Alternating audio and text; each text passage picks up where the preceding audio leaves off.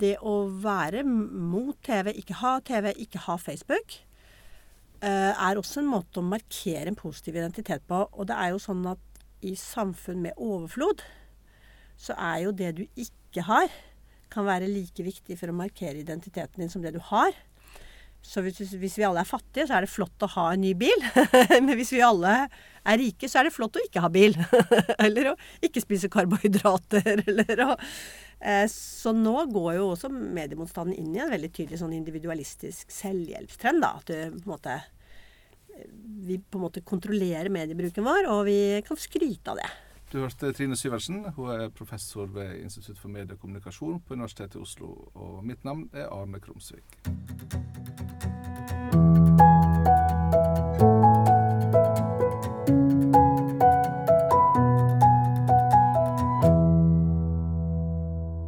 Har jo skrevet en bok om mediemotstand. Uh, og hele mitt liv føler jeg egentlig at jeg har levd liksom i skvis mellom folk som elsker medier, folk som hater medier. og folk som har brukt kanskje også medier til å gi uttrykk for hvem de er. Uh, som en sånn identitet. Jeg skriver i boka at jeg vokste opp uten TV. I, og foreldrene mine var veldig, veldig mot TV. Eh, og de mente at det var passiviserende ødeleggende. Og av egentlig alle de grunnene som folk var skeptiske til TV på 60-tallet når jeg vokste opp. Um, men samtidig så elsket foreldrene mine aviser. elsket radio. var journalister.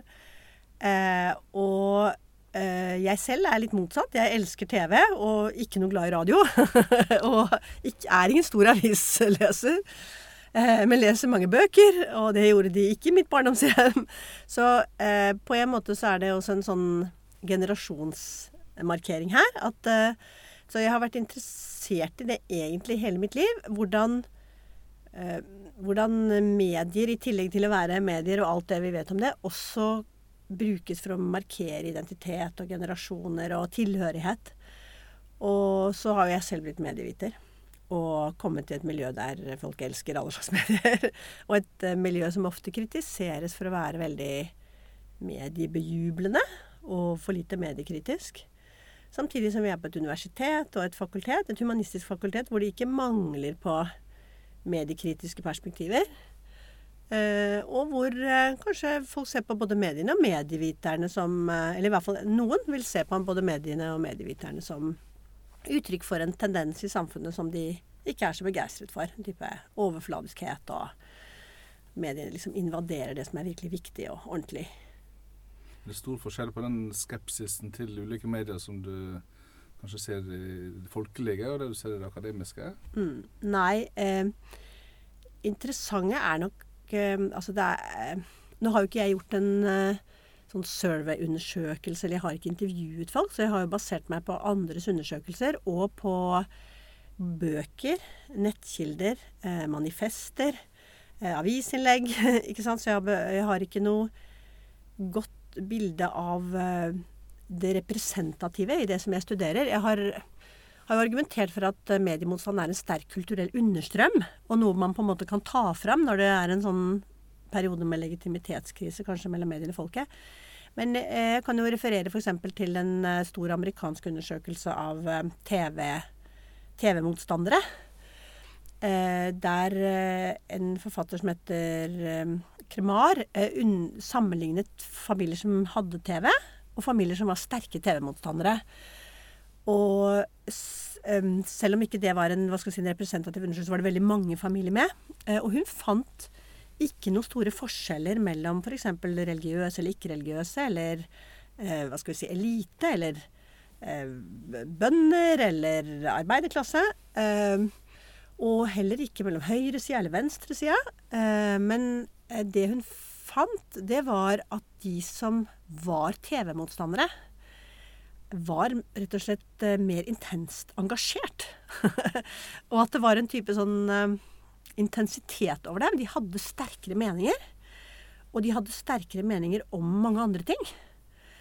Eh, og gjerne var liksom mer opptatt av engasjement i lokalsamfunnet. Eller altså, de var rett og slett mer opptatt av den én-til-én-engasjementet. Så eh, nå, jo, nå er det sikkert mange måter man kunne målt dette på hvis man kunne måle. Man ville sikkert kanskje funnet forskjeller. Men jeg har kanskje mer tenkt at det er noen typer av eh, Altså hvis du ser på protester mot mediene gjennom tidene, så ser du at det er noen profesjoner som er overrepresentert. F.eks. lærere. og f.eks. Eh, helsearbeidere, bibliotekarer. Eh, folk som er opptatt av friluftsliv. Du kan lese lederne til Fjell og vidde, så vil du finne betydelig TV-motstand. ja, så kanskje prester, altså folk som kanskje har en type jobb, da. Eh, hvor eh, de har opplevd mediene som mer invaderende eller mer ja, Når jeg husker TV-motstandere fra min, min barndom, så, så, husker jeg at de var veldig stolte av det, mm -hmm. av det standpunktet. Mm -hmm. Og, og, det syns jeg opplever nå med de som er skeptiske til sosiale medier. Mm. Akkurat den samme stoltheten. Mm. Det er helt sant. Og jeg var veldig stolt av det når jeg var barn, at vi ikke hadde TV. Og det er interessant å lese studier av TV-motstandere nå, fordi at uh, der uh, blir de jo framstilt som veldig selvgode. Altså, og det er jo helt riktig. og jeg har jo selv ironisert over dette. Jeg har skrevet om dette hvor jeg ironiserer over det. Og jeg har jo sånn sett vært da TV-motstander som barn og blitt veldig glad i TV. Og brukt, skrevet og ironisert over dette som medievitere gjør. Uh, nå har jeg prøvd i denne boka her å uh, ta det på alvor. Med vilje ikke skrevet den i en ironisk tone. Eller jeg har liksom prøvd å undersøke dette fenomenet ordentlig og lagt liksom det på, på, hjertet at jeg skal ikke stemple TV-motstandere som, eh, som verken irrasjonelle eller, eh, eller moralsk panikk. Eller at vi, eh, tvert imot prøver jeg å diskutere de begrepene og tenke og diskutere om det kunne være noen bedre begreper. Men det er helt riktig. Det er en type stolthet i det. Og det å være mot TV, ikke ha TV, ikke ha Facebook, Eh, er også en måte å markere en positiv identitet på. Og det er jo sånn at i samfunn med overflod, så er jo det du ikke har, kan være like viktig for å markere identiteten din som det du har. Så hvis, hvis, vi alle er fattige, så er det flott å ha en ny bil. Men hvis vi alle er rike, så er det flott å ikke ha bil. eller å ikke spise karbohydrater. Eller å eh, Så nå går jo også mediemotstanden inn i en veldig tydelig sånn individualistisk selvhjelpstrend. da, At du på en måte vi på en måte kontrollerer mediebruken vår, og vi kan skryte av det. Du nevnte det med moralsk panikk. Er det en eh, mindre fruktbar måte å se det på? Ja, jeg, jeg, tenker det. Jeg tenker at eh, de som begynte å studere moralske panikker og mediepanikker, de studerte jo egentlig ikke individer, de studerte jo medier. Eh, og moralsk panikk er jo på en måte da noe som mediene virvler opp ikke sant? for å skape frykt. F.eks. rundt eh, ungdomsopprør eller terror eller nye medier eller noe sånt. Så en, eh, og det er jo sånn begrepet blir brukt forskningsmessig. Men så har det jo vært en tendens mener jeg, da, at uh, det der moralsk panikkbegrepet på en måte har rubbed off, for å si, på individene. Uh, altså at uh, det er liksom Nå snakker vi liksom på en måte om at enkeltmennesker har moralsk panikk. Eller hvis, hvis en person gir uttrykk for en motstand Vi hadde det en av de siste svære mediedebattene vi hadde i Norge rundt Big Brother, f.eks., på 2000-tallet. Eh, så var jo det moralske panikkordet veldig raskt ute. ikke sant? At Hvis folk var skeptiske til TV-programmet Big Brother, så var moralsk panikkordet veldig raskt ute. Og jeg var, var, selv med i den debatten og brukte sikkert også det uttrykket. Bare lyst til å si det, for det kan jeg godt ha gjort.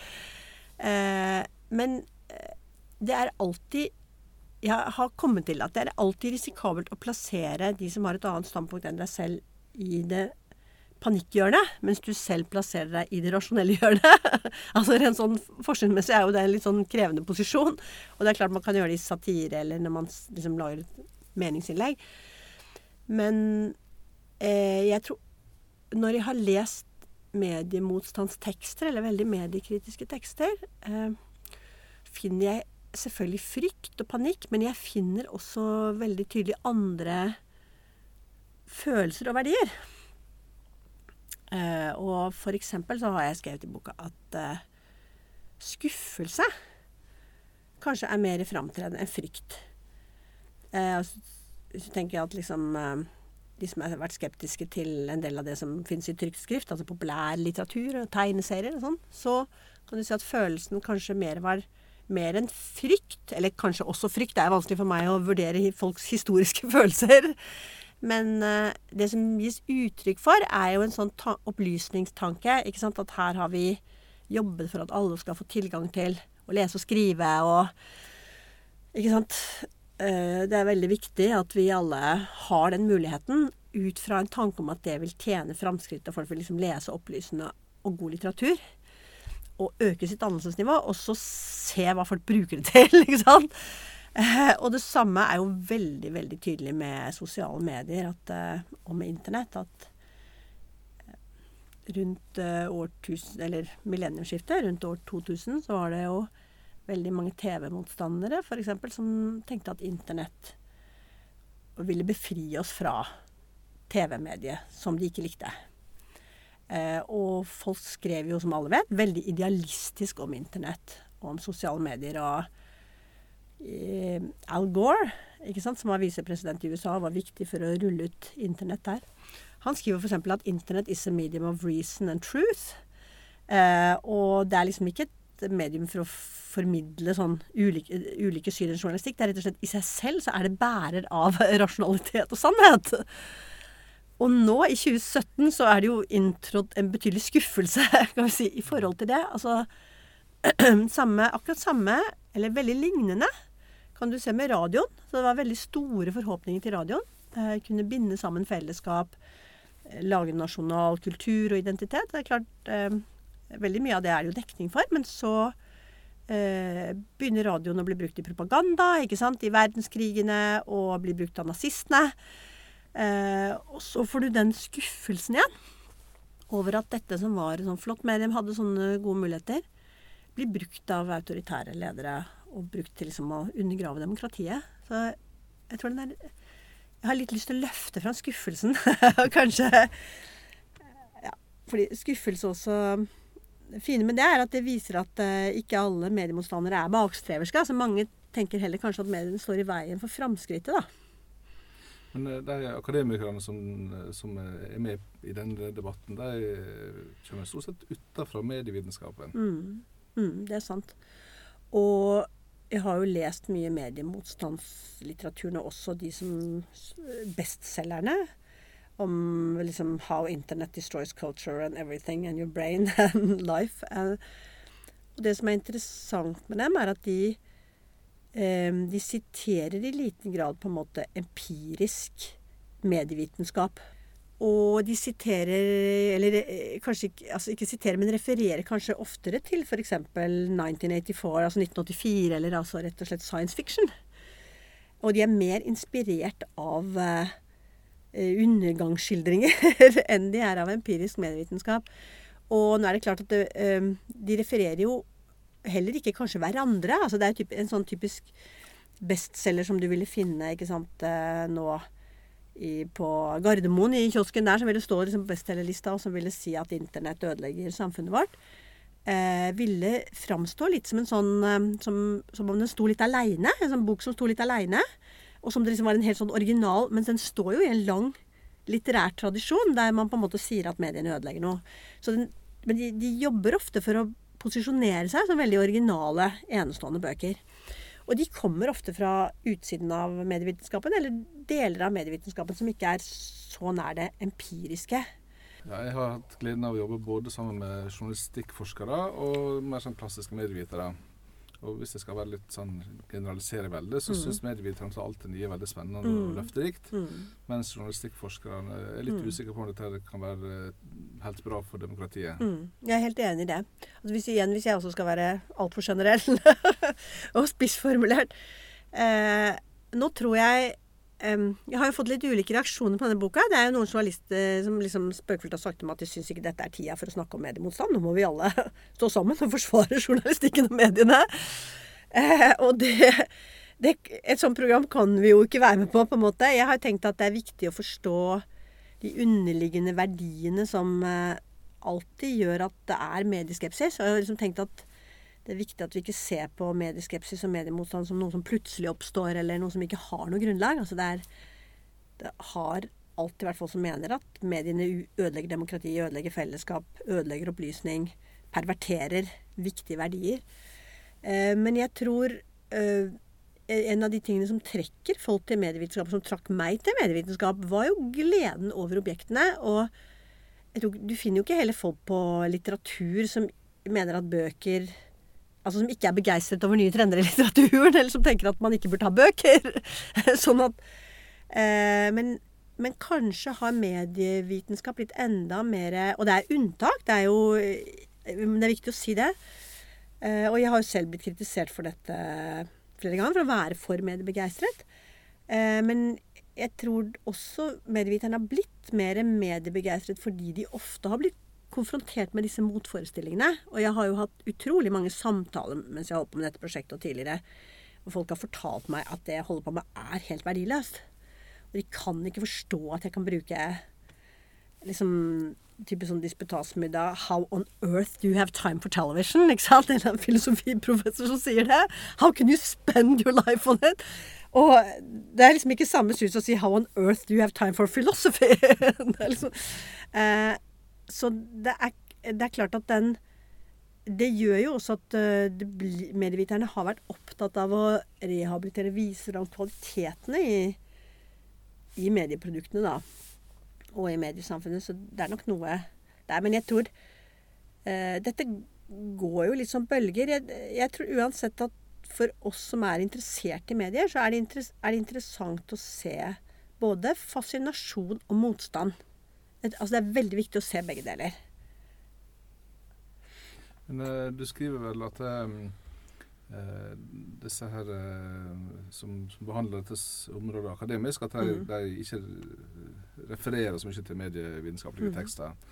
Um, er dette et forsøk på å bygge bru, som du gjør, eller er det noe annet som må til for å bygge ja, for at det blir en, på en måte en reell dialog? da? Ja, det er et, um, det er et godt spørsmål. Jeg, jeg jobbet lenge Dette har jo vært et ekstremt vanskelig, veldig gøy, men veldig vanskelig prosjekt å få mellom to permer. For det er så ekstremt omfattende. Og derfor føler jeg jo den angsten som alle føler når boka er sluppet ut, om at den er liksom veldig mangelfull. Eh, men jeg måtte til slutt bestemme meg for å gjøre det til en litt sånn kort bok, fordi det var så sykt mye jeg kunne skrive om. Men i, i perioder mens jeg holdt på med dette prosjektet Det har jo vært et prosjekt jeg har snakket veldig mye om, og jeg har snakket med mange om det. Og jeg har presentert en del steder, men enda mer i sånn én-til-én-samtaler. Eh? Det har vært et interessant prosjekt å snakke om i mange år, og folk har respondert veldig godt på det og kommet med sterkere og mindre sterke uttalelser. Så da har jeg jo lurt på hva som kunne være den beste formen, da. Og det er klart, en sånn Nå har jeg skrevet en akademisk bok på engelsk og sånn, men en av grunnene til at jeg ville gi den ut open access, var jo også at jeg ville gjerne at den skulle være tilgjengelig.